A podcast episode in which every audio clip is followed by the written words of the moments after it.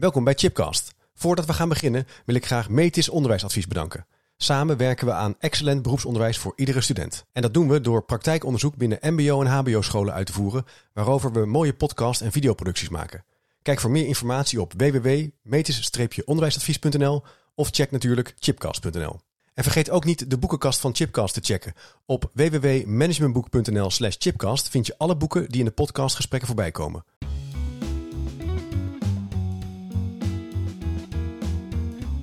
Welkom bij een nieuwe aflevering van Chipcast. Een programma waarin ik op zoek ga naar verrassende antwoorden en nieuwe perspectieven op vragen die mij bezighouden.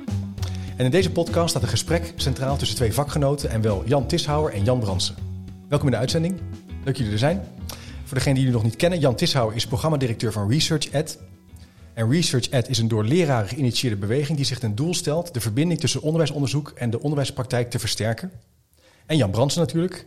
Jan Bransen is academisch leider aan de Radboud Teaching and Learning Center en hoogleraar filosofie van gedragswetenschappen. En was eerder ook in de uitzending om over je boek te praten, gevormd of hervormd. Nou, waarom deze podcast? Waarom dit tweegesprek?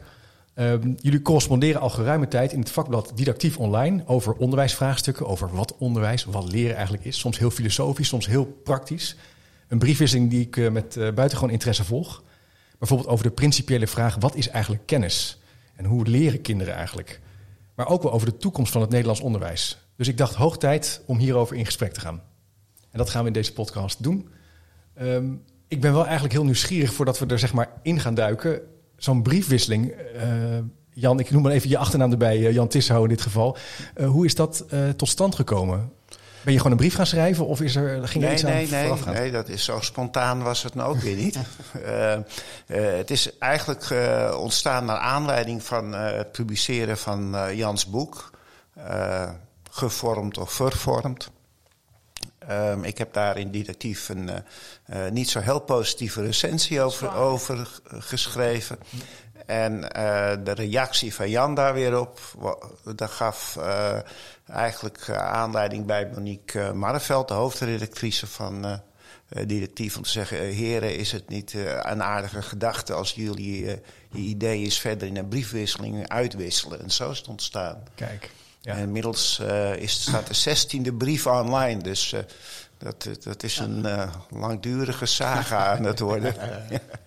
En Jan Bransen, toen jij uh, dit idee zo hoorde, dacht je toen niet van ja, zo, na zo'n recensie, uh, dank je de koekoek? Of was je wel... Oh, nee, nee, nee. Dus, dus, dus mijn, mijn, mijn instelling is echt wel uh, iedereen die, die iets op te merken heeft over wat ik ervan vind. En dan ook nog op een manier die, die als het ware tegengesteld is aan wat ik ervan vind. Want, want Jan zette heel stevig in, in de, in de, in de review, in de boekbespreking. Ja.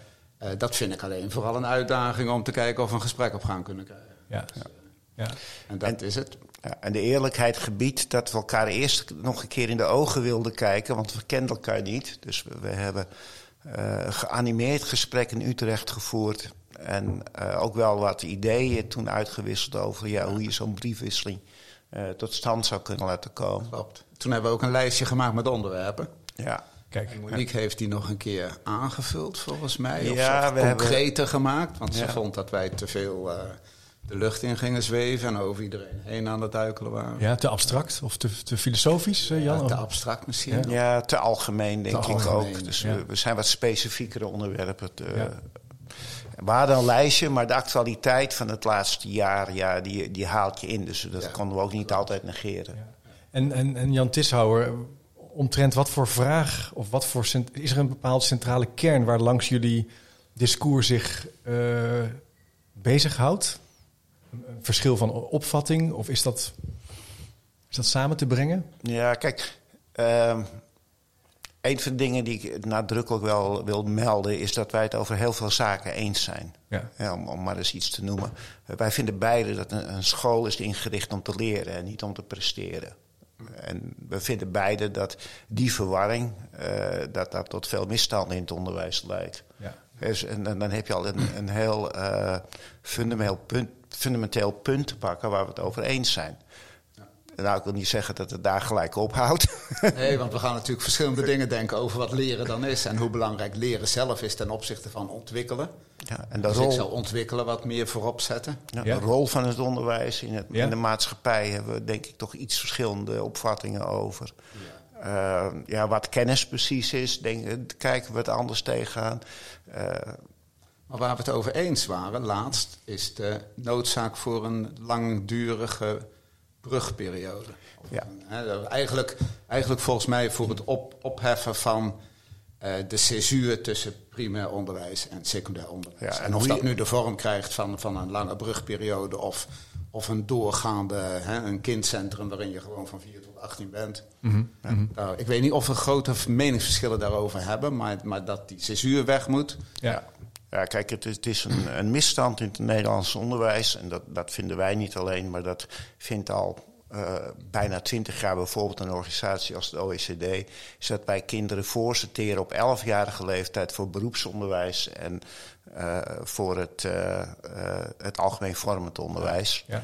Ehm, waarbij we een groot aantal kinderen tekort doen. En er spelen ook, eh, ja, als ik het zo mag zeggen, op de achtergrond speelt ook gewoon keiharde discriminatie tegen eh, kinderen met een migratieachtergrond Ja. bijvoorbeeld en meisjes. Ja. Ehm, en ik, ik, ik speelde hiermee, ik ben blij eigenlijk dat ik de kans krijg. Wij, wij hebben een 16-jarige stagiaire. Die is wel, nou, ze is meisje en ze heeft een migratieachtergrond. En die leverde haar eerste professionele e-mail een paar weken geleden bij me in. Ze moest de hoofden van HBO-instellingen aanschrijven. Ik keek ernaar en ik kreeg een tekst ehm, die beter was dan ik gemiddeld soms kreeg van sommige academisch opgeleide consultants. Natuurlijk had ik wat aan te merken, maar ik dacht, dit is goed. Ja. Mooi. Meisje leest Tur- Turkse boeken. En we zagen opeens dat ze met een anderstalige Engelse stagiaire in vloeiend Engels stond te converseren. Hoe is dit meisje op het eh, VMBO-GT terechtgekomen en vervolgens op de MBO? Dat is onder haar niveau. Heel duidelijk.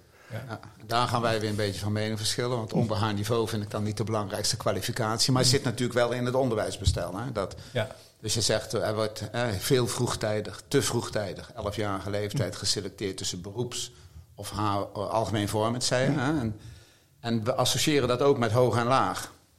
En Zeker, dat is ja. zelfs heel sterk, omdat de enige toets die als het ware uitmaakt waar je heen gaat, is een toets die alleen maar taal en rekenen feitelijk hè, de- toetst. En dan nog in een vrij smalle eh, definitie van, van cognitieve eh, voorsprong of achterstand. Karen Heij heeft daar net een proefschrift over. Dat, dat maakt op dit moment veel furoren. Trekt veel aandacht. En helemaal terecht. Want die eindtoets kan ook helemaal niet waarmaken waarvoor wij hem inmiddels zijn gaan gebruiken.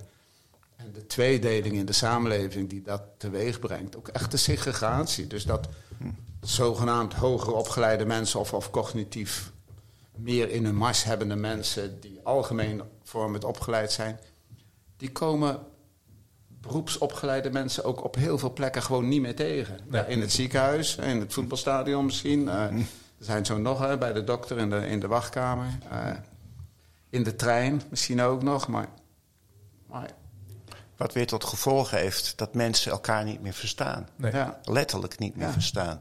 ja. Dus Dat, daar zitten wij helemaal op hetzelfde spoor. Daar zit helemaal op- We gaan ook eens kijken waar jullie niet op hetzelfde spoor zitten. En niet om steeds die controverse op te zoeken, maar dat is wel interessant. Hè? Waar schuurt ja, het nou? Ehm, en ik heb, we hebben daar wat vragen voor voorbereid. Ehm, eh, Jan Tishouwer, eh, eh, om even te beginnen. Hoe zou jij het doel van het onderwijs omschrijven? Ja, Hoe kijk je daarnaar? Nou, als ik, als ik, toen ik daarover nadacht, wat is het doel van het onderwijs? af en toe denk ik daar eens over na. Toen, kwam, toen schoot mij te binnen dat de eerste archeologische vondsten van schoolgebouwen al vanaf ongeveer 2000, 2500 jaar voor Christus dateren. In Mesopotamië. En wat was het eh, daar aan de hand? Men had daar een schrift ontwikkeld, het spijkerschrift. En op het moment dat de schrift er was, begon zich kennis op te stapelen en begon zich de noodzaak voor te doen kennis over te dragen. Ik heb me da- daar even kort in verdiept en eh, nou, het is een schitterend verhaal. Want op een gegeven ogenblik eh, had je dus echt scholen en daar werden klerken opgeleid. Maar die moesten dan in het Sumerisch spreken. Dat was al lang niet meer de volkstaal. dus je had toen ook al wat we hier in de middeleeuwen gezien hebben met Latijn en de volkstaal. Nu met Engels. ja, inderdaad, die gedachtesprong heb ik ook gemaakt. Hè, nu met het Engels. dus er is een taal van de elite en die moet je spreken. Er is een taal van de wetenschap. En dat is al 4000 jaar oud. Maar het doel van het onderwijs is simpelweg om mensen te leren lezen, schrijven en rekenen. Want dat waren de vakken die belangrijk waren. Die klerken die moesten gewoon bijhouden wat de, wat de opbrengsten waren en wat de handel deed. En daarvoor moesten ze kunnen lezen, schrijven en rekenen. In de kern blijft dat voor mij het doel, het doel van het onderwijs. Als je dat echt meent, hè, dan kan natuurlijk onderwijs behoorlijk kort duren. Dan, zouden we na, na, hè, dan zijn we eigenlijk na het PO, vanaf groep 6, 7, kunnen we ophouden met onderwijs. Ik deel het idee, hè? dus voor, voor, een groot deel ben ik het hiermee eens. Nou, je zou bij rekenen nog wel kunnen denken dat je nog door kan stapelen. Ja, je kunt doorstapelen. En je kunt natuurlijk ook in taal wel doorstapelen. Maar, maar, maar, je zegt, dan zijn we vrij snel klaar. Dat is jouw punt. Ja, kijk, want als je, als je op een gegeven moment, hè, als je een bepaald niveau bereikt hebt en het is nodig om, om, om verder te ontwikkelen, dan heb je ook de middelen waarmee je dat als het ware zelf kan. En in een omgeving waar je al, hè, wat ik dan noem, uh, handelingsverlegenheid tegenkomt. Omdat je niet meer genoeg kunt met wat je hebt. Uh, ik kijk tegen een aantal dingen wat anders aan. Ook tegen het Mesopotamische verhaal. Uh, want het was natuurlijk vanaf toen de tijd ook al heel duidelijk dat een heel groot deel van de bevolking hoefde helemaal niet te leren rekenen en schrijven. Snap je? Het was ook een manier die het altijd tot nu toe gebleven is om een hiërarchisch verschil in de samenleving in stand te houden en te rechtvaardigen. Dus in de 17e eeuw in Nederland, de Latijnse scholen, die waren helemaal niet bedoeld om, om uh, goed te leren handel drijven of goed te worden in een vak. Die waren bedoeld om de hogere klasse de hogere klasse te laten zijn. Hè. Daar, daar ging het om eruditie, om dat Latijn en Grieks te kunnen lezen. Waarvan zelfs op de gymnasia ook gezegd werd... het gaat er helemaal niet om dat je daarmee maatschappelijk iets kunt... behalve dan je standing hoog houden. Ik denk dat dat idee zit nog steeds, ook sinds de Mammoetwet, is het nog steeds niet helemaal weggeraakt uit ons onderwijs. Nee, want de categorale gymnasia zijn uitgezonderd van de Mammoetwet. Ja. En uh, ja, dat is toch uh, om, om deze reden. Maar, maar, nu zijn we het nog steeds met elkaar eens. Laten we toch nou, er zijn een klein stukje zijn het klein stukje, met elkaar eens, denk ik. Er komt, er komt wel al een verschil.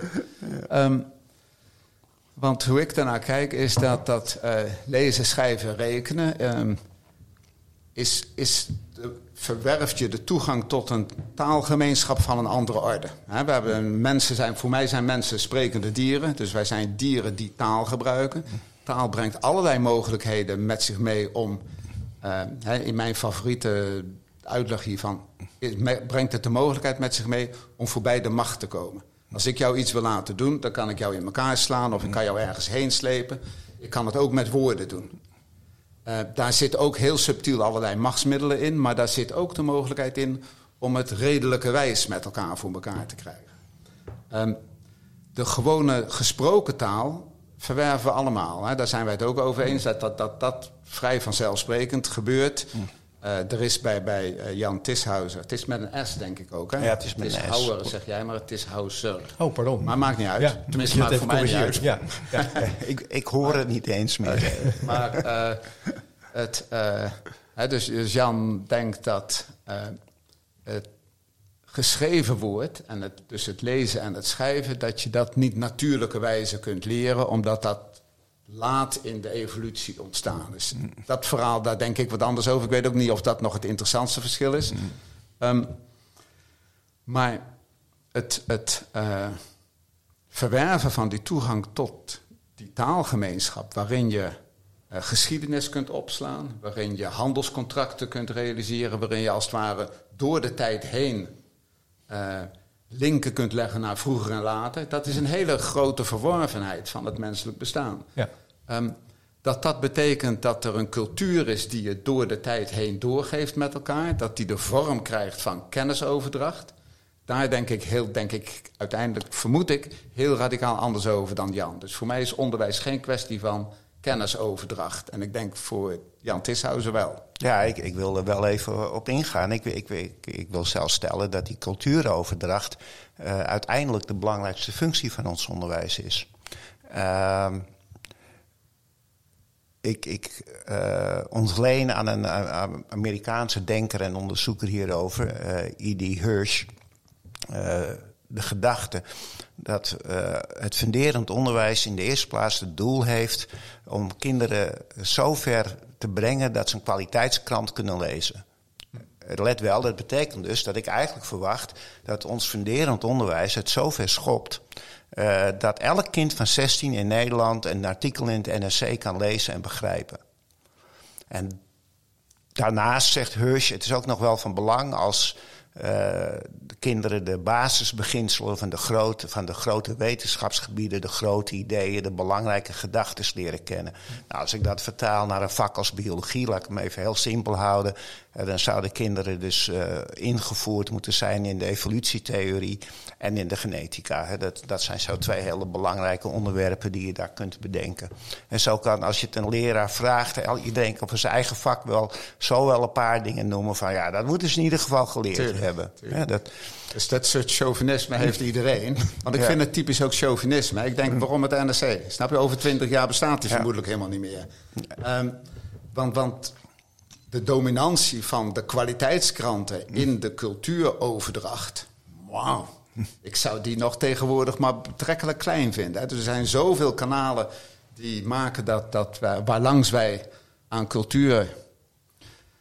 Ja, kijk, ik, ik, ik aarzel ook bij overdracht, maar daar komen we zo meteen nog op. Maar, maar om onze cultuur leven te houden, ja. te denken dat we het moeten hebben van een kwaliteitskrant, dat is zo jaren 50. dat, dat, is, dat is niet meer van nu.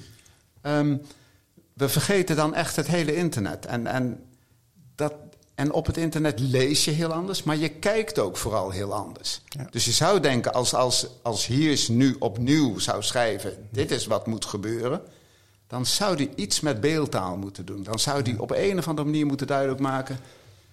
Uh, de volgende generatie moet elkaar kunnen verstaan in beeldtaal. Ja. Ja, deel... Ik zou je wel willen, nog even een toevoeging willen maken. Wat ik las in een stuk waar, waar toen Jan Tishuizer daarop reageerde. Van wat je weet, of wat je leest op internet, wordt ook wel weer bepaald door wat je daarvoor weet. Dus ja, er zit een soort uh, um, opstapeling, nou, opstapeling is niet het goede woord, uh, opbouw van kennis. Ja. Um, ja, en voor en mij zit er dus een opbouw, een opbouw van aandacht in. Dus, dus waar, waar, waar ben je in staat om in welke domeinen van, van jouw omgeving ben je in staat om um, discriminerend te zien, om het, om het verschil te zien dat het toe doet. En um, in, in, in, de, in Afrikaans. Ik bedoel, ik, ik weet veel te weinig van Afrika, maar er zijn natuurlijk ongetwijfeld hele grote gebieden in Afrika waar helemaal geen kwaliteitskrant is, waar ze ook helemaal geen kwaliteitskrant Nodig? Nou ja, dat weet ik weer niet. Dus, dus ik moet daar een beetje voorzichtig in zijn. Maar, maar, maar waar, eens... waar, aandacht heel anders ja, vorm krijgt. Mag, mag ik daar eens op inspelen? Uh, overigens heeft, uh, hij is al 93, maar Hirsch heeft dit jaar nog een uh, interview gedaan die op YouTube te zien is mm -hmm. bij onze collega's in Engeland, ehm, David Didow en Martin Robinson. En als je googelt naar It's Your Time You're Wasting een gevleugelde uitspraak van Engelse leraren als kinderen zitten te klieren. je, okay. je, het is jouw tijd die je aan het ja. verdoen bent. Ja. Um, dan, dan, kun je ook zijn huidige denkbeelden, en hij heeft pas daar nog over gepubliceerd, over uh, cultuuroverdrachten horen. Um, het kritiekpunt dat je kunt hebben, uh, en ik, ik, ik vind die internet ook inderdaad belangrijk, maar juist daarom zou ik bijna zeggen. Uh, kritiek dat je er kunt hebben is dat we de kennis van dode witte mannen overdragen. Ja, dat is het heel plat zegt. Ja. Mm -hmm. dat, uh, maar het is wel die kennis van dode witte mannen waardoor je in de maatschappij kansen creëert, in onze maatschappij. Het is die kennis van dode witte mannen die onze stagiaire verder gaat helpen. Ja, ik heb toevallig gisteren uh, een conferentie van Theo Maassen gezien... Die, die anderhalf uur lang over de dode witte mannen praat... en, en zichzelf neerzet als dode witte man... waar het toch wel behoorlijk triest mee gesteld is op dit moment... omdat, omdat die dode witte mannen bij voorbaat verdacht zijn. ja. uh, dus ik vind het heel grappig dat je dit zo dominant neerzet... en dat je denkt van het is, het is de kennis van de dode witte mannen die... Um, kijk, eh, volgens mij één heel simpel... Want, want Tegenwoordig denk ik daar wat anders over. Maar Linnaeus en Darwin en Newton, die hadden het allemaal helemaal niet kunnen stellen. Ten eerste zonder hun eigen moeder natuurlijk. Hè? En ten tweede zonder alle vrouwen om hen heen... die al die jaren ervoor gezorgd hebben... dat zij in hun eigen studeerkamertje hun dingetjes konden opschrijven... die zij belangrijk vonden. Ehm, dus ik weet niet te verbinden, dus- maar er zijn zelfs voorbeelden van wetenschappelijk werk waar de man de naam onder staat, terwijl de vrouw het werk Ook van nog niet eens zo van heel lang geleden. Hè? Ja. Ja. Dus, dus ja. ja.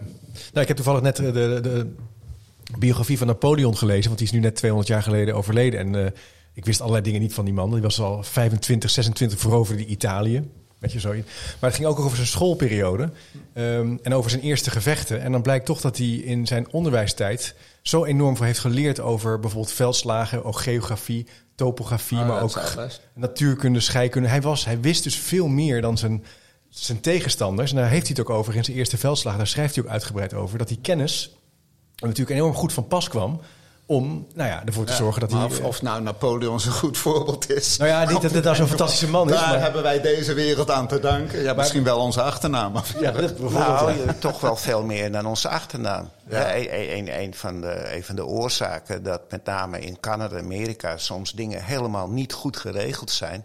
is omdat ze nooit een burgerlijke stand... Uh, hebben gehad. Ja, Maar er zijn ook uh, wel heel veel mensen overleden, Jan, dankzij Napoleon met zijn, ja, zeker, uitbreidings. Maar zijn, zijn manier van kijken, dus die kennis die hij heeft ge, ge, die die gedoseerd kreeg, daar heeft hij ontzettend veel aan gehad. En, heeft dus, en, en in die, die militaire academie, hè, dat was het dan. Hè, wat was dan natuurlijk, daar ging je gewoon zes dagen per dag naar school. S'avonds was er uh, toneel, je sportte veel, je at daar ook. Nou ja, dan, soms denk ik, wauw, dat is wel dat is, dat is een belangrijke het is functie. enorm van, vormend. Heel vormend. ook vormend. Vervormend. Ja, misschien vervormend. ja, natuurlijk. Ja. Ja. Natuurlijk ook. Ja, kijk, het, Altijd ook. Kijk, uh, Jan wil ook nog op overdracht ingaan. Dat is een interessant onderwerp. Maar uh, ik denk, ik vermoed dat, dat uh, wij toch verschillen over... Uh, niet alleen over wat kennis is... maar ook, wat, maar ook welke kennis van belang is. En Um, ik vermoed bij, bij Jan, maar ik, dat, mag, ga dat, gaat, ga dat gaat hij al niet bevestigen. Um, een, een, een soort uh, idee van dat alle kennis gelijk is. En aan de ene kant denk ik, ja, alle kennis is misschien wel gelijk, maar er is kennis die je verder helpt in deze maatschappijen. Die kennis, uh, die is van belang. En als ik even terug mag komen op het internet. Kijk, uh, ik, ik, ik uh, ik aarzel om het woord uit te spreken, maar ik doe het toch. Uh, het laatste jaar doet het woord wappie nogal uh, opgaan. En mm -hmm. uh, ik hoorde uh, een van de winnaars, hoe heet ze, van D66. Kaag. Kaag, inderdaad, Sigrid Kaag. Het hebben over een kenniscrisis. Of nee, ze had het over de leescrisis, meen ik. Nou, die leescrisis is een kenniscrisis. Want als je geen kennis hebt, dan begrijp je niet wat je leest. Uh, en inmiddels heeft dat ook wel geleid tot een soort wappiecrisis. Als ik even ja. terugkijk naar, naar, naar het internet. Uh, we hebben gezien in het laatste jaar uh, hoeveel invloed het, het internet heeft op, op, het verspreiden van de meest idiote ja. ideeën. Ja. waarbij mensen dus niet meer over de kritische blik en over de kennis kunnen beschikken om feit van mening te onderscheiden, om waar van onwaar te kunnen onderscheiden. En of het nou gaat om het kunnen lezen van een kwaliteitskrant of op het internet kunnen onderscheiden van ja, waar, wat klopt wel, wat klopt niet. Ik vind dat toch een hele belangrijke opdracht. Ik ben er helemaal meteen, want die vind ik ook heel belangrijk. Maar die maakt juist duidelijk. Kijk, er is een verschil tussen informatie en, en iets begrijpen. Je maakt een verschil tussen kritische reflectie, kunnen kijken waar op internet je betrouwbare informatie tegenkomt en waar je niet betrouwbare informatie tegenkomt. Ehm, en dat vermogen, dus het vermogen om kritisch te denken, wordt nu juist helemaal niet, bestaat ook niet uit kennis. Dat is zelf niet iets wat kennis is. Maar dat is een vaardigheid die getraind zou moeten worden. En ik denk, daar ben ik dus daar zou ik enorm voor zijn. Dus het gaat er niet om wat je in het NSC leest, om even het NSC erbij te halen. Maar het gaat erom dat je weet dat als je in een winkel komt en er liggen daar twintig kranten, dat je het NSC moet hebben. Maar die kennis staat niet in het NSC. En die kennis kan ook niet eens de vorm van het NRC krijgen. Dat is een vorm die te maken heeft met hoe kun je je aandacht focussen. Dus hoe, hoe kan ik op het internet ontdekken dat deze meneer die deze dingen zegt een wappie is. En deze meneer die deze dingen zegt niet een wappie is. Dat zit hem niet in de inhoud van wat ze zeggen. Dat zit hem niet in, in de kennis die daarin zit. Ik, ik zie mensen hier te een beetje aarzelen bij deze. Dat komt zo meteen nog wel. Ja. Dus, dus mijn boek Laat je niets wijsmaken uit 2013 ging over de, over de noodzaak om, om ons kritisch denkvermogen te ontwikkelen. Ik noem het daar de kracht van ons gezond verstand. Hè? En, en Ja. ik neem het daar eigenlijk op voor dat gezonde verstand. Een beetje ehm, tegenover de eerbied die we moeten gaan opbrengen voor wetenschappers die het weten. Ik vind nu ook, snap je, dus de manier waarop dat RIVM en de, en de eh, overheid samen, als het ware met z'n tweeën, een partij worden. eh, die zich voordoen alsof ze dragen, hè, gebaseerd op de beste evidence, hun dingen claimen. En eigenlijk, en, en dit vind ik ook ingewikkeld om te zeggen, net zo goed als jij het ingewikkeld vindt om het woord wappie te gebruiken. Want, want, want het, het is niet makkelijk om eh, je kritisch goed te kunnen opstellen tegenover de overheid en het RIVM samen. Maar je zou je kunnen voorstellen dat het RIVM niet per se de eh, voedingsbron is van de overheid, maar ook de voedingsbron is van de kritische burger. Ehm, en daar denk ik, daar, moeten we iets met elkaar. Daar hebben we de wetenschapper, de expert, die eh, het laatste woord vaak kan claimen omdat hij denkt of zegt of weet dat hij over evidence beschikt. Die hebben we te veel op een plek gezet waar wij hem niet meer kritisch kunnen, eh, kritisch kunnen beoordelen. En voor mij gaat het dus veel meer om. En, en ik denk dat we daar enorme dingen laten liggen. Dus het gaat erom hoe vind ik mijn weg op internet naar goede, bruikbare bronnen. Naar mensen die je kan vertrouwen, naar kennis die ertoe doet. En dat is iets anders dan, hier heb je een hele bak met kennis. Deze stukken zijn te betrouwen, deze niet. Snap je? Want, zo werkt dat niet. Ehm, dus die, die training van dat kenvermogen, voor mij het aandachtsvermogen noem ik het graag, die is heel erg nodig. Die Heb je, laten we daar- liggen. heb je daar niet ook gewoon heel veel feitenkennis voor nodig? Dat je, eh, eh, Ja, ik misschien Jan, dus, ja. dat, je, dat je, hoe meer je Ja. weet, hoe beter je afwegingen kunt Ja, maken. Ik, ik denk, ik denk eh, en, en hier ga ik eh, echt wel wat tegen in. We kunnen kritisch denken eh, niet trainen. Niet op zich. Dit is, We dat is, een, dat is typisch een dogma uit de onderwijswereld. Hè? Maar daar gaan we het zo meteen over hebben. Ga door. Mensen kunnen al kritisch denken. Het- Dat is, eh, kritisch denken is een vermogen. Dat is aangeboren. Dat, we Dat net zo, hoeft niet ontwikkeld te worden. net zo makkelijk kunnen leren als onze moedertaal. Alleen we kunnen alleen kritisch denken over die zaken waar we kennis van hebben. Cruijff die wist dat al, die zei: Je ziet het pas als je het begrijpt. Eh, wat, wat, Jan, wat ik Jan eigenlijk. Wat, wat, wat ik Jan, wat ik Jan eigenlijk eh, hoor zeggen, is dat we op autoriteiten af moeten gaan. Hij zegt, hij zegt net bijna letterlijk eh, van als je op internet kijkt naar de bronnen, dan moet je weten dat deze mensen zijn te vertrouwen, want die hebben goede kennis. Of, de, en deze mensen zijn niet te vertrouwen. Ja, ik zou zeggen, laten we mensen leren op zichzelf te vertrouwen door ze een goede. Go- een goede kennisbasis mee te geven. Eh, als ik een voorbeeld, en eh, ik, ik eh, zal afspreken dat ik nog, nog twee keer het woord, nog één keer het woord wappie mag gebruiken. Ja, nu nog één keer. nu nog één keer. Ehm, in die kringen ging op enig moment eh, een verhaal rond. Dat is alweer van een paar jaar geleden. Het woord eh, bestond al niet meer, Nee, no, nog niet. dat- dat- maar, maar in dezelfde kringen ging het verhaal rond dat eh, het verschil tussen margarine en met name de, de dieetmargarines en plastic was maar één molecuul. Nou, de, de, de realiteit is dat, ook dat er, eh, dat er eh, olie van vlaszaad, eh, lijnolie, in eh, margarine zit verwerkt. Als je het niet kookt, een heel gezond product, maar dat hard uit, want we, gebruiken het ook in lakken en verven. Dus als je dat blootstelt aan, aan zuurstof, dan vormt dat een, een harde, doorzichtige laag. Ja, dat lijkt op het eerste gezicht op plastic.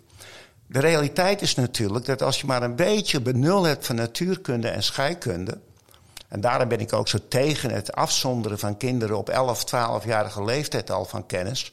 Als je een beetje benul hebt van natuur en scheikunde, dan weet je hoe groot het verschil is van één molecuul. Hè, dat maakt een verschil tussen, tussen radioactief of niet radioactief, tussen dodelijk giftig of, of volledig Ja, veilig. ja. Dat, eh, en, en, en die kennis, als je, als je dit soort kennis meegekregen hebt, dan ben je niet meer afhankelijk van een autoriteit. Dan kun je je eigen kritische mening vormen. Het, Ja, klinkt, het klinkt mij toch Ja. het klinkt een beetje te naïef, hè? want je hebt het meegekregen. Dus blijkbaar ook was dat dat je het mee hebt gekregen van autoriteiten. Namelijk de docenten van de middelbare school. Dus eh, kijk, er is een ingewikkelde. eh, Het is echt best complex, hè? kritisch denken en, en gebruik maken van getuigenissen of niet. Jij zegt van, van Jan Bransen die wil dat, eh, dat we naar autoriteiten gaan luisteren. Nee, kijk, de realiteit is dat wij ehm, bijna alles van wat we weten eh, niet zonder getuigenissen van anderen kunnen. Ik bedoel, ik heb Trump echt nog nooit gezien. Dat die bestaat, zal best. Dat die, snap je? Dus ik moet vertrouwen op dat daar kanalen zijn die iets over hem naar mij toegebracht hebben. Ehm, dus we hebben altijd die vraag, die noodzaak: eh, kan ik deze getuigenis vertrouwen of niet? Tegelijkertijd is op dit moment eh, de hoeveelheid deskundigheid, de hoeveelheid kennis die er over de werkelijkheid is, is zo complex en zo geavanceerd dat wij allebei, en daar kan je gewoon eh, vergif op innemen, voor 99,99999% zijn wij leken. Er is bijna geen vakgebied waarin wij zelf kunnen bepalen of zelf kunnen vaststellen of dit klopt of niet. Dus we moeten het altijd met getuigenissen doen. We moeten het altijd doen met is dit te vertrouwen of niet? Daar zijn natuurlijk allerlei trucs voor, waardoor je kunt, kunt proberen de coherentie van een verhaal vast te stellen. Of de consistentie. Eh, te denken dat je dat beter kunt als je meer over feiten beschikt. Ik hoor het, eh, ik hoor het Ik het, ook ja. zeggen. Ja. Hè? Dus, dus dat, eh, is ook te accepteren, een, een behoorlijk naïef idee te accepteren over het onderscheid tussen feit en mening. Feiten zijn niet zomaar feiten. Die, die liggen helemaal niet voor het oprapen. Dus in ieder feit zit heel veel. Maar, Hè, maar, maar, maar- maar- theorie geladenheid zit daar op allerlei manieren in. Dat is natuurlijk waar. Maar aan de andere kant denk jij, bij rekenen is dat weer minder waar, toch? De rekenregels. Het is heel fijn om de rekenregels in je achterhoofd te hebben. Ja, maar, maar zelfs dat is nog maar. of- Dus, dus ik kijk heb je in mijn nou boek heb ik een voorbeeld Ja. over. eh, hebben we 13 milligram nodig om iemand eh, eh, veilig in anesthesie te brengen of eh 12? ja. Ehm, en 13 en 12, daar zit vast een heleboel tussen. Ja. Dat weten wij. Dus hoe beter onze meetinstrumenten worden, hoe beter we kunnen bepalen wat daartussen zit. Ehm, dan te denken dat de reken, hè, dat je gewoon toch eenvoudig kunt tellen, want 12 is kleiner dan 13 en dat er zit 1 tussen en 1 is maar niks. Ehm, maar je moet ook snappen wat die ruimte daartussen is. Ja. Dus je moet dat ook begrijpen wat het betekent dat het Ja. 12 en niet 13 is. En daar doet dan de, zeg maar de formele cijferkunde, heeft daar niet zo heel veel mee te maken. Dus je moet ook die werkelijkheid goed snappen. En, en, en, maar dat heeft te maken met dat je je discriminatie, dat je ehm, in een kendomein je onderscheidende vermogen ontwikkeld hebt. En dat is niet hetzelfde als dat je daar de feiten over kent. Oké. Dat is het punt. dat is een verschil. Dus te veronderstellen dat, dat er feiten zijn en als je die maar hebt, dan lukt daarna je kritische denken wel. Daar Dan heb jij- ben je al verkocht, want Ja. dan heb je een naïef verhaal over feiten. Ja. Ja. Nee, kijk, eh, eh, een feiten is ook een, een, een bijna te simpel, te, te dood woord. Hè, de, eh, uit, uiteindelijk eh, bestaat begrip uit verbindingen. Eh, verbindingen tussen feiten. En dus, dus eh, Verbindingen tussen woorden zou ik ook verbindingen zeggen. tussen woorden, verbindingen tussen ideeën, tussen gedachten. Ervaringen, eh, ja. Ervaringen. Ehm, Ja, interessant. dus, dus, dus, dus dat, met alleen feiten kom je er niet. Maar wa- wa- wat ik wel vind, en ik denk dat, dat het hier weer gaat schuren, is. ehm, maar Jan, Jan heeft natuurlijk een punt. Hè. We- we- bijna alles is van horen en zeggen. En, en eh, ik, ik geloofde mijn natuurkundeleraar. Eh, Bovendien kon hij schitterend uitleggen. En je vader en je moeder waarschijnlijk ook. Ja. Maar het duurt een tijdje voordat je ontdekt dat ze er al... Boven, bo- eh, een van die leraren die, ik- die, die ik me kon onthouden. Want hij, hij kon met schitterende voorbeelden dingen duidelijk maken... die heel lastig tastbaar te maken waren. En ik geloofde de man. Maar de man was ook gebonden aan eh, zijn discipline. Aan, aan eh, wat, er, binnen zijn wereld ontdekte en beschreven was. En uiteindelijk was hij ook gebonden aan de examen- en eindexamenvoorschriften. En uiteindelijk zullen wij, eh, en, en dat, dat is een van mijn, mijn zorgpunten. ehm, we, we moeten gewoon ervoor zorgen dat ons curriculum goed in elkaar zit. Dat wij dus van staatswegen, en de staat zijn wij allemaal, dat wij van staatswegen eh, dus een filter zetten op welke kennis relevant is en welke kennis betrouwbaar is. Dus in die zin geloof ik wel in, in de autoriteit. ja, Ja. hij schuift heen en weer die autoriteit. En ook Ja, Jan zegt gewoon een aantal dingen, een aantal dingen moeten we gewoon op een minimumniveau eh, afspreken met elkaar. En wij moeten kinderen, studenten afleveren op dat niveau. In de natuurkunde, wiskunde B, wiskunde A, eh, Nederland. Nou, wiskunde A wil ik het niet hebben. Oh, ik heb pardon. daar laatst een Ja, eindexamen ik zag het ook, ja.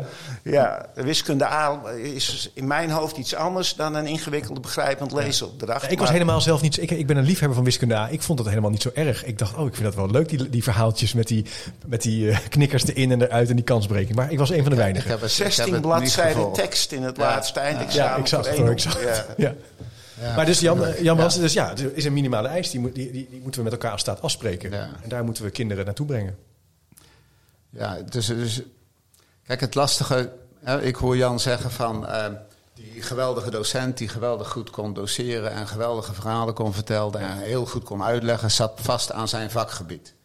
Eh, dat vind ik een soort van disqualificatie. Hè? Dus als je, als je, eh, als je, en ik heb, het- blijf het maar hebben over aandachtsvermogen. Als je je aandachtsvermogen wilt ontwikkelen en je wilt van kinderen aandachtsvermogen ontwikkelen, dat ze weten waar ze op moeten letten. En dat zijn tegenwoordig heel andere dingen dan 50, 60 jaar terug. We zitten nu met een klimaatcrisis van heb ik jou daar. Daar hadden we 50 jaar terug nog niet in de gaten. Dus je moet op heel andere dingen nu letten. Ehm, dan moet je ook afvragen, zijn de, de disciplines zoals we ze nu kennen, de vakgebieden zoals we ze nu kennen, zijn dat de vakgebieden waarvan we dan maar moeten vinden dat die zo moeten blijven? Het is puur, toe, bedoel, er zijn 1,3 miljard mensen in Indië, in India.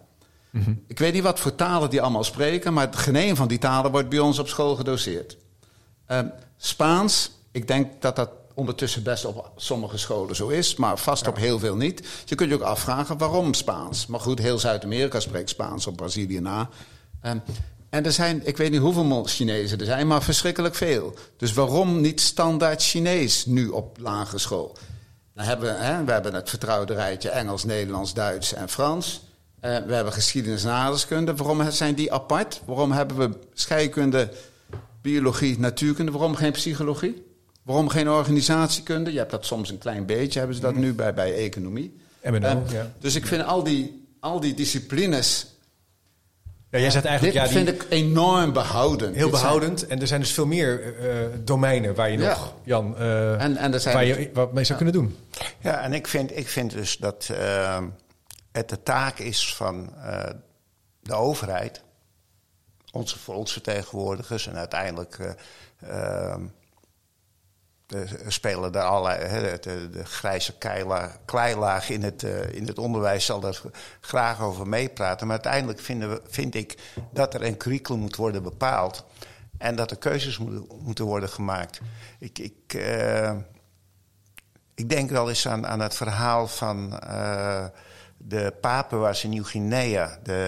Hoe heet die schrijver van dat boek eh, het over ziektekiemen en geweren. eh, die, die aangeeft dat onze westerse maatschappij zo rijk is geworden... dat dat door allerlei toevallige omstandigheden is, eh, is ontstaan. En die beschrijft zijn eerste ontmoeting met de Papua's in Nieuw-Guinea... waar hij als bioloog onderzoek ging doen.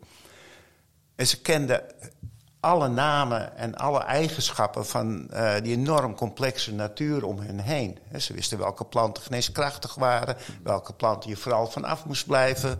Eh, ze hadden enorme hoeveelheden kennis, alleen dus niet de kennis eh, waarmee je ehm, de wereld kunt vernietigen. Nee. nee, of een CEO van, van een, groot maatschappij, een groot Amerikaanse softwaregigant kunt worden. Nee, maar die hadden ze ook misschien niet nodig. Hè? Dus in Papua Nieuw-Guinea was het eigenlijk wel heel slim dat ze de kennis hadden die er in hun domein toe deed.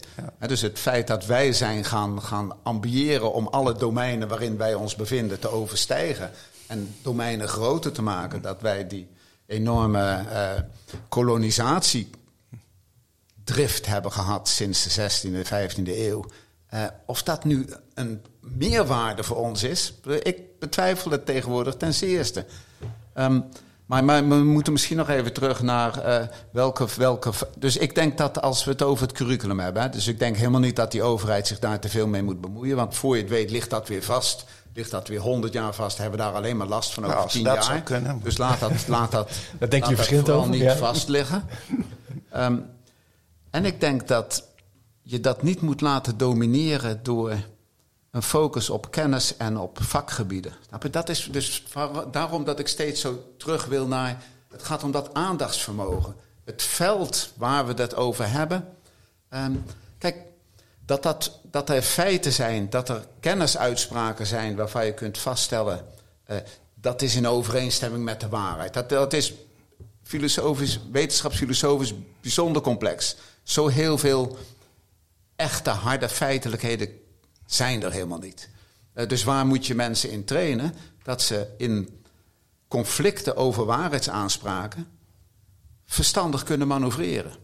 Dat leren ze niet als ze feiten leren. Dan leer je het ze eigenlijk af. Je legt maar, dit zijn antwoorden. Hier is een stapel met antwoorden. Nee, maar het gaat erom, hoe, kom ik, hoe heb ik die weg weten te ontwikkelen nadat ik weet dat dat een antwoord is? Ik merk het op de universiteit, snap je? Ze, ze, ze, ook van mijn docenten krijgen ze antwoorden, met name in de hoek van de statistiek. Snap je? Dan gaan ze zich ontwikkelen in, in de statistiek. En dan is dat een beetje te ingewikkeld voor ze. En dan krijgen ze houvast en dan krijgen ze allemaal middeltjes en steun. Maar ze weten niet met welk domein ze te maken hebben. want ze weten niet wat die statistiek doet. Het zou kunnen liggen aan een docent die dus niet goed statistiek uitlegt. Maar het ligt dus aan een hele cultuur, omdat we denken dat het om kennis gaat. Dit is, dit is precies waar Maar er zit, ook, er zit ook hele mooie... Ik heb, nou ja, als wiskunde A-liefhebber... grote inzichten op de universiteit opgedaan... toen ik dacht, oh, normaalverdeling. Ik vond het echt mm. fascinerend. Dat werkt dus zo. Ja. Maar even om Jan daarop te laten reageren. Die feitenkennis, daardoor leren we eigenlijk denken af in zekere zin. Ja, dat, dat, daar ben ik niet mee eens. Want je, je moet iets hebben om over te denken. Maar kijk thuis. En, en, ja, even, even Jan. Ja,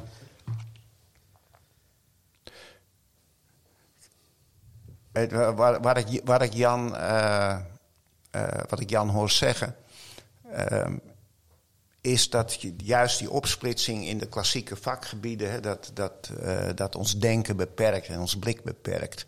Ehm, nou, ik ben een kind van de jaren zeventig qua opleiding. En toen ik, toen ik werd opgeleid tot onderwijzer, toen kwam in zwang dat aardeskunde, geschiedenis en kennis der natuur, daar moesten we vanaf op de basisschool. En uh, we gingen wereldoriëntatie doen. Dat was meer geïntegreerd. En dan gingen we ook nog leuke projectjes doen. En dat moest ook dicht bij huis. Kinderen uh, die te ver van hun bed waren, ja, dat was allemaal te moeilijk voor kinderen. Enorme verarming van het onderwijs is dat geweest. We kunnen kinderen die kunnen prima over uh, dinosaurussen lezen. En ze kunnen over verre landen lezen. En sprookjes die uh, honderden jaren in een fantasiewereld uh, zich afspeelden, kunnen kinderen prima lezen, begrijpen en van genieten. Maar op het moment dat we ze over aardeskunde, geschiedenis en kennis en natuur gaan onderwijzen, dan maken we daar een, een, een geïntegreerd, dicht in de omgeving geheel van. Toevallig tweette Marcel Schmeijer die, een, een bladzijde uit een boekje uit de jaren zeventig, meen ik, toen het vak geschiedenis op de basisschool nog bestond. En dat ging dan over de Romeinse gebruiken en gewoontes in, in Nederland. En dat, dat, dat, zat, dat was heel rijk. Mm -hmm. dat, ik zou bijna zeggen, daar, toen leerde je nog wat. dat, uh, Oude man. En hij heeft. ach ja. Marcel, Marcel heeft dat is naast de huidige wereldoriëntatie informatie gelegd die kinderen leren. En dan is er gewoon heel veel versleten, heel veel weg. Ja. En ik, ik vind dat we de lat voor onze kinderen te laag zijn gaan leggen. En, ik vind, en dat we daardoor de schade hebben opgelopen die, nu, die we nu zien. En, eh, en in Nederland valt dat eigenlijk best nog wel wat mee. Maar, eh, maar als je kijkt, dat, uh, als je nu ziet uh, dat in Amerika 25% van de mensen gelooft dat ze in opstand moeten komen omdat er uh, sprake is van een uh, geheim pedofiele netwerk waar ze zich tegen te weer moeten gaan stellen. Ja, dan, dan hebben we toch wel een probleem eigenlijk. Ja, dus onder, onder, de Pizza Hut. Onder de, onder de Pizza Hut. Ja, ja. Maar dan komen we ook een beetje, komen we ook wel.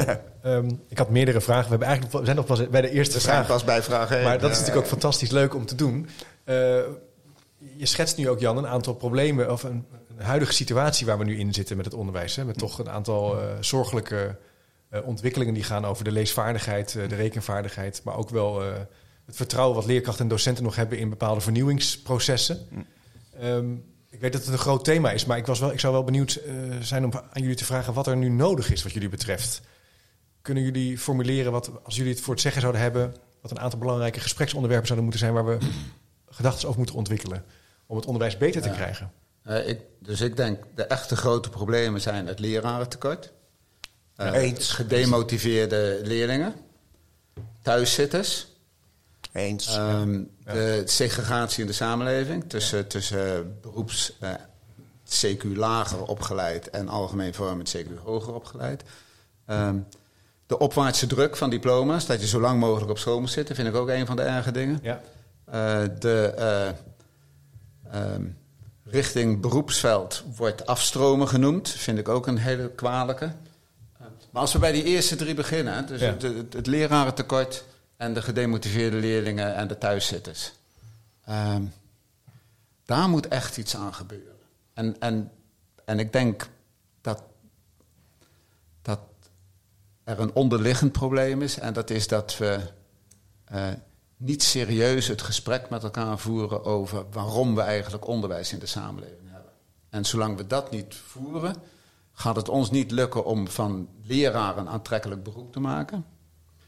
Um, en gaan we ook geen beter zicht krijgen op hoe we de thuiszitters en de ongemotiveerde leerlingen kunnen voorkomen, omdat we blijven vastzitten in een onderwijsbestel wat we niet serieus durven doordenken en durven nee. veranderen.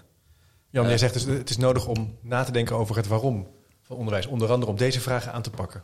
Zie jij dat ook of kijk je daar anders tegenaan? Nou, het, ja, ik, ik denk dat we altijd moeten blijven nadenken over het waarom. Uh, maar ik wil toch een iets operationelere stap maken, als het mag, Jan.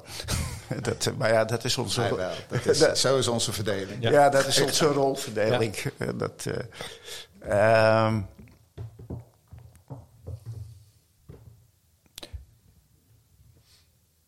ik, ik, ik, ik, we zullen altijd onderwijs houden, om wat voor reden dan ook. Uh, waar ik me voor schaam is de manier waarop we op, op het ogenblik in Nederland onderwijs organiseren. En dan heb je het inderdaad ook over het, uh, het bestaan van thuiszitters. Uh, ergens in de jaren negentig heeft het, heeft het ministerie van Onderwijs besloten dat ze niet meer over onderwijs gaat. Ik heb geen idee waar ze wel over gaan, maar ze gaan niet meer over onderwijs. Het hebben ze uitbesteed aan de Paul Rozenmulders van deze maatschappij. Allerlei raden, allerlei kleilagen. Ik geloof dat er, dat er zo'n 25 uh, organisaties zijn die tussen het ministerie en het werkveld in zitten. Dus ik, ik denk dat het eerste dat moet gebeuren is dat ergens op het ministerie bij iemand het, uh, het kwartje valt van... hé, hey, wij zijn het ministerie van Onderwijs. We hebben daar iets over te vinden en daar iets mee te doen. Uh, dus, dus, dus dat is een eerste stap.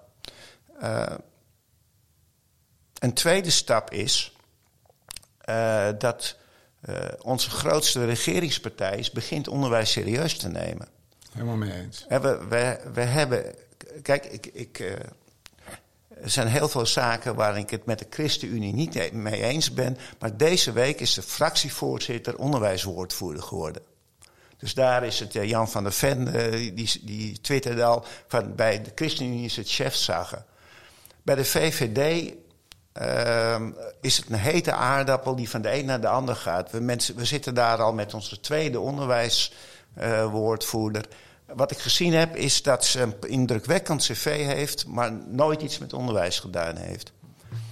dus, dus, dus blijkbaar is onderwijs niet zo van, van belang.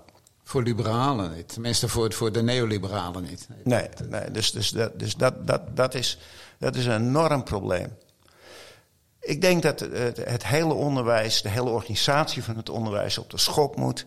Er moet een, uh, een, een lange termijn plan komen waarbij uh, het, het beroep leraar weer aantrekkelijk gemaakt wordt. We, hebben het uh, over autoriteit. Nou, ik zou heel graag zien dat de leraar weer een autoriteit wordt. En, en op twee manieren.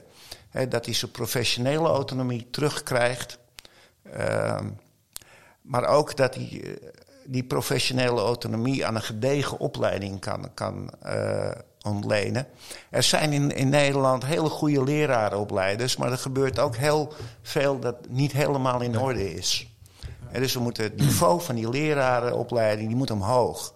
En het, het moet een eer zijn om tot leraar opgeleid te worden.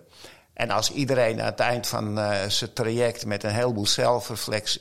Ik, ik, weet dat ik nu tegen schenen aanschop. Maar met voldoende zelfreflectie verslagen. Uh, een, uh, een bewijs van bevoegdheid krijgt uitgereikt. Dan, dan halen we de status van dat vak omlaag.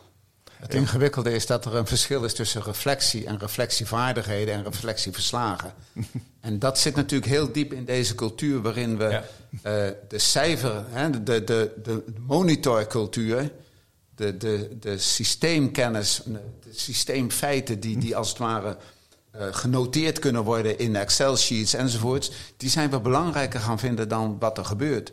Dus een, een uh, docent die niet kan reflecteren is nooit een goede docent. Um, maar een docent die heel goede reflectieverslagen kan schrijven, is daardoor nog niet een docent die kan reflecteren. Dus dat, dat moeten we uit elkaar zien te halen. Ja. Want ik ben het eens met dat, dat, dat ik denk dat de docentenopleidingen sterk moeten verbeteren.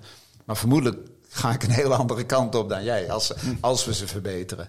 Um, en over dat ministerie, ja, ik vind dat dus ingewikkeld. Um, um, ja, want je zei het in het middendeel van het gesprek. Je vindt eigenlijk dat de overheid zich niet zou moeten bemoeien met. Ja, dus ik denk eigenlijk dat als je het veld. Als je, als je praat over autoriteit. Hè, en, en, en autoriteit. Dat vind ik nog een ingewikkeld woord. Ik heb dan liever als je praat over mensen die hun gezag uh, kunnen dragen en kunnen waarmaken. En dan vermoeden we. Ja, bedoelen we waarschijnlijk hetzelfde.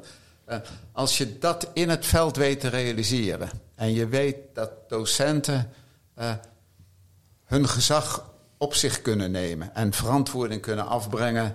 Niet doordat ze alle lijstjes goed kunnen invullen, maar doordat ze weten wat ze aan het doen zijn. In het veld. En dat schoolleiders dat kunnen. Wat moet dan de overheid nog? Oh, maar op, op, zich, op, op zich ben, kan ik daarin met je meegaan. Ja. Maar laat, laten we het eens even bij die, die thuiszitters als voorbeeld ne nemen. Ja. De, uh, toen ik op de basisschool zat, nou, dus, uh, waren er wel hele lastige kinderen. En als ze te lastig waren of te veel achterbleven, dan gingen ze naar het speciaal onderwijs. En uh, ja, dat was dan buiten mijn zicht als, als medeleerling wat daar precies gebeurde. Maar je, je zag wel dat kinderen vaak opleefden als, als ze dan on, onderwijs kregen, in kleinere groepen die bij hen pasten. Uh, en toen is ergens tien jaar geleden, ik geloof dat de eerste beweging al eind jaren negentig was, begon het ministerie van Onderwijs en kwam er al een beleid richting het passend onderwijs of het inclusief onderwijs. Uiteindelijk gebeurden er twee dingen. Het was een verkapte bezuinigingsoperatie. Maar het eerste wat het ministerie van Onderwijs deed, was de verantwoordelijkheid afschuiven. Ja. Daar ben ik het met En die werd niet naar de scholen afgeschoven, was dat nog maar het geval. Nee, er werden, er werden samenwerkingsverbanden in het leven geroepen. De meest ongecontroleerde functie in onze samenleving op dit moment is directeur van een samenwerkingsverband. Ik weet het niet. Je kan daar ook heel veel goeds doen. Dus, dus mijn, mijn herinnering aan mijn eigen lagere school, daar zit iets wat net een beetje anders werkt. Dus bij ons in de klas zat een jongetje. Nou, dat wist, de hele school wist dat dat, dat was een apart jongetje. Dat was echt een, een dat was, dat was echt vast. Snap je, die had ongetwijfeld allerlei diagnoses nu gekregen, maar dat was gewoon een apart jong. En dat zat bij ons in de klas. En soms ging hij buiten rennen, want dan was dat even nodig voor hem. En, en dat was passend onderwijs, zoals dat kan zijn. Mm. Dat was gewoon maatwerk voor iedere leerling. Ik denk dat dat. Heel, daar is niet zoveel mis mee. Dus ik, passend onderwijs vind ik een heel belangrijk stap die eigenlijk de goede kant op is. Maar, maar we, hebben, we nemen hem natuurlijk niet serieus, omdat we veel te veel last hebben van enorme hoeveelheden specialismen.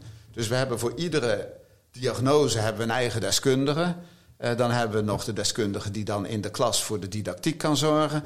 Uh, en dat allemaal, dat versnippert. En het bouwt overal schotten tussen. Dus we hebben de financiering, die gaat via al die specialismen. Dus niemand heeft meer Snap je? Een, een meester kan niet meer zeggen van... ja, ik heb een gek kind in mijn klas. Dat zal ik dan niet zo zeggen. Maar, de, maar ik heb een bijzondere jongen. Ja, de, dat, doe ik, dat doe ik wel op mijn manier. Nee, je moet meteen schakelen met op allerlei... mijn manier. Dan moet een diagnose, er komt geld bij, er komt dit en dit en dit. En dan wordt passend onderwijs onmogelijk, ja. En als je dan directeur bent van een samenwerkingsverband... en je denkt... Nou ja, ik heb zoveel deskundigen en die hebben iedereen en ik moet proberen ze met elkaar te laten praten. Ja, dan heb je een waardeloze baan en ook een hopeloze baan. Maar als je zegt we gaan hier doorheen, eh, dan is daar denk ik in passend onderwijs zelf niet zoveel mis. Dat is eigenlijk het enige onderwijs wat er is. Misschien nog een laatste reactie van Jan hierop.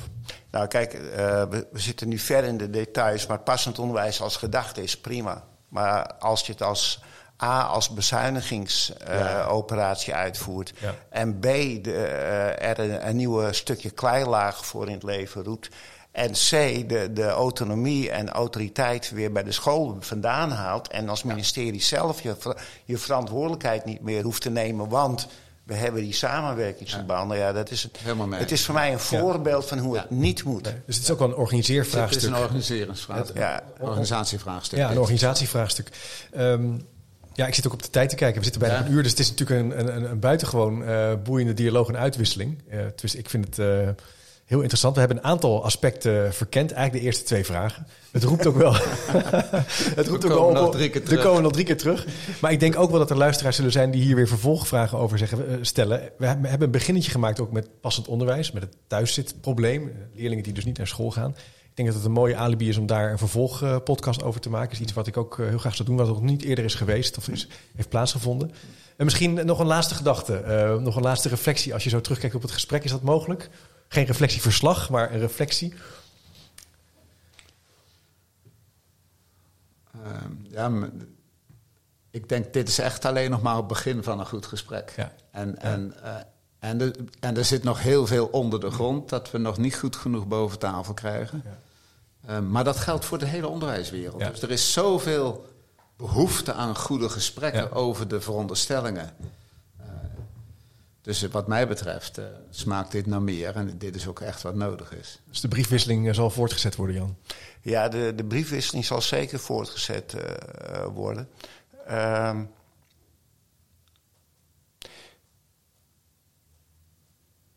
ik, ik denk uh, dat wij nog uren met elkaar verder kunnen praten en dat we het heel vaak met elkaar eens zullen zijn ja. en op sommige dingen echt de, de zaak anders aan zullen blijven vliegen.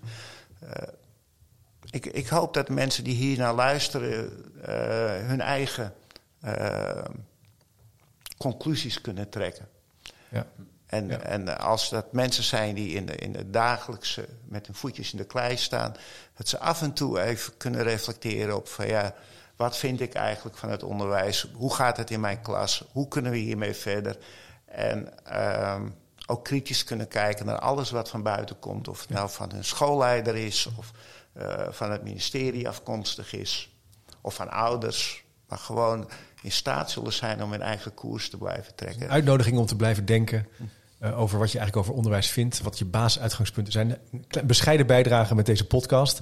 Uh, ik zou zeggen, als je nu luistert en denkt, ik heb daar een idee over, ga dan even naar chipcast.nl slash vraag. Dan kan je altijd iets intypen. Dat is dan iets wat ik ook vaak gebruik in de vervolgpodcast. je kan ook altijd even via Twitter kijken. Jan Brandsen is op uh, Twitter actief. ResearchAd is op Twitter actief. Ook op LinkedIn kun je ons wel vinden. Jan Tishouser ook. Jan Tishouser ook, ja, tuurlijk. Ook en dan nog. ben ik iets uitgesprokener dan men op ResearchAd Ja, dat snap ik inderdaad. Dus dan heb je je persoon en ook uh, het grote, de grote beweging waar je aan werkt. Waar je aan werkt. Uh, ik zou zeggen, hartelijk dank voor jullie bijdrage. Fijn dat jullie naar de studio wilden komen. Op gepaste afstand in dit gesprek te voeren. Ik vond het erg leuk. Hoop dat jullie doorgaan met de briefwisseling. En uh, zeker van, mij, van mijn kant de uitnodiging om nog eens terug te komen... als we nog eens een keer een nieuwe brief hebben... waar jullie, het, uh, waar jullie de degens kruisen op een productieve manier, zou ik zeggen. Uh, beste luisteraar, bedankt voor het luisteren. En als je wil inschrijven voor de nieuwsbrief, doe dat dan even via chipcast.nl slash doe mee. Dan krijg je om de week gratis uh, en voor niks een brief met meer informatie, boekenlinkjes en dat soort dingen. Ik zou zeggen, tot de volgende keer.